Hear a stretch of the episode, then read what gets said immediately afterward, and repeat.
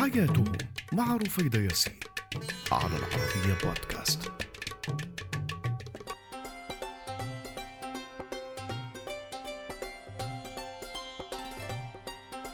مرحبا أنا رفيدة ياسين وهذه هي حياتهم على العربية بودكاست. واليوم الرحلة إلى آسيا لاستكشاف عالم غريب وعجيب الهيمنة فيه للنساء فقط.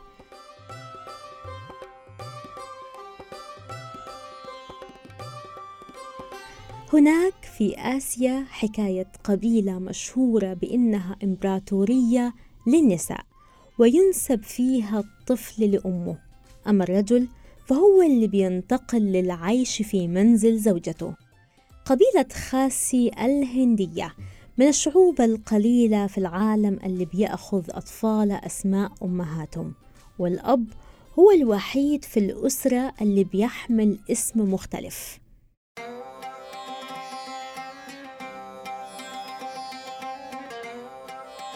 معروف في مجتمعات عديدة في آسيا تهميش دور النساء بس الوضع في هذه القبيلة مختلف تماما في ولاية ميغالايا شمال شرق الهند وتحديدا وسط مجتمع خاسي.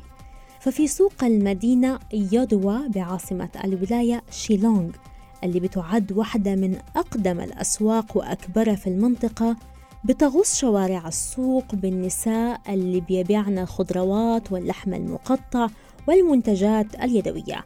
وبتجوب النساء المسنات أروقة السوق لتشرف على التجارة وبتأمر الرجال اللي بيعملوا عندهم بحمل الحقائب فقط.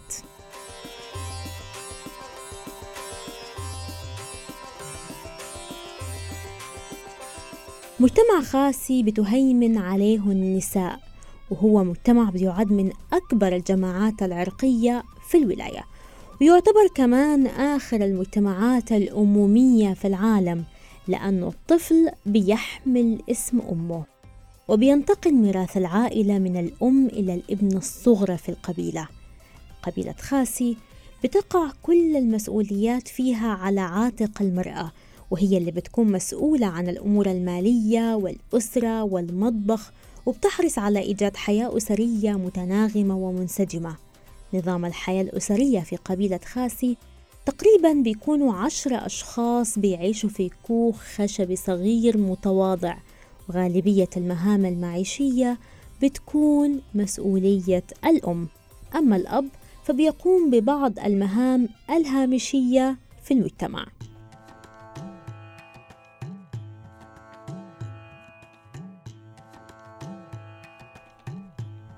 لذا بتعتبر حياة النساء في هذه القبيلة مزدحمة ومفعمة بالتفاصيل. معظم رجال القبيلة خاضعين في صمت للنظام الأمومي الموجود في المجتمع. لكن مؤخرا بعض الرجال أصبحوا بيناضلوا في جمعيات حقوقية بحثا عن المساواة مع النساء وتحقيق مبدأ المساواة بين الرجل والمرأة. وأصبحت أصوات بعض الرجال بتتعالى مؤخرا للمطالبة بتغيير نظام القبيلة عشان أطفالهم يحملوا اسمهم. لذا النضال في قبيلة خاسي بيكون من أجل إدخال النظام الأبوي.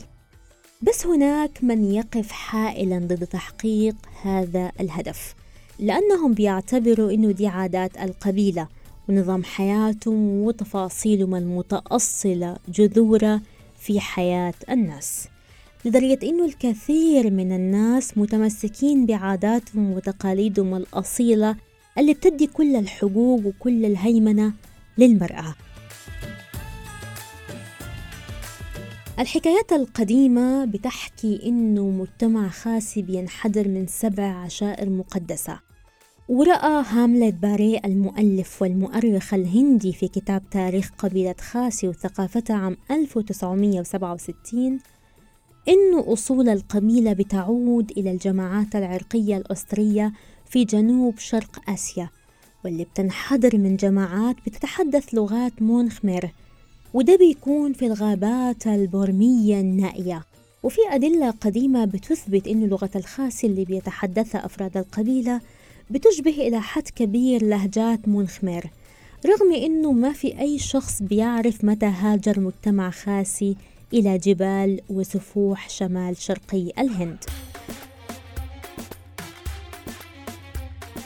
عادات وتقاليد قبيلة خاسي يمكن تكون مختلفة وثقافتهم متنوعة. هناك من يؤيده وهناك من يرفضه لكن ما يسمى بإمبراطورية النساء هناك بتظل ميزة تجعل لهذه القبيلة خصوصية بين كل قبائل العالم ببساطة لأن هذه هي حياتهم.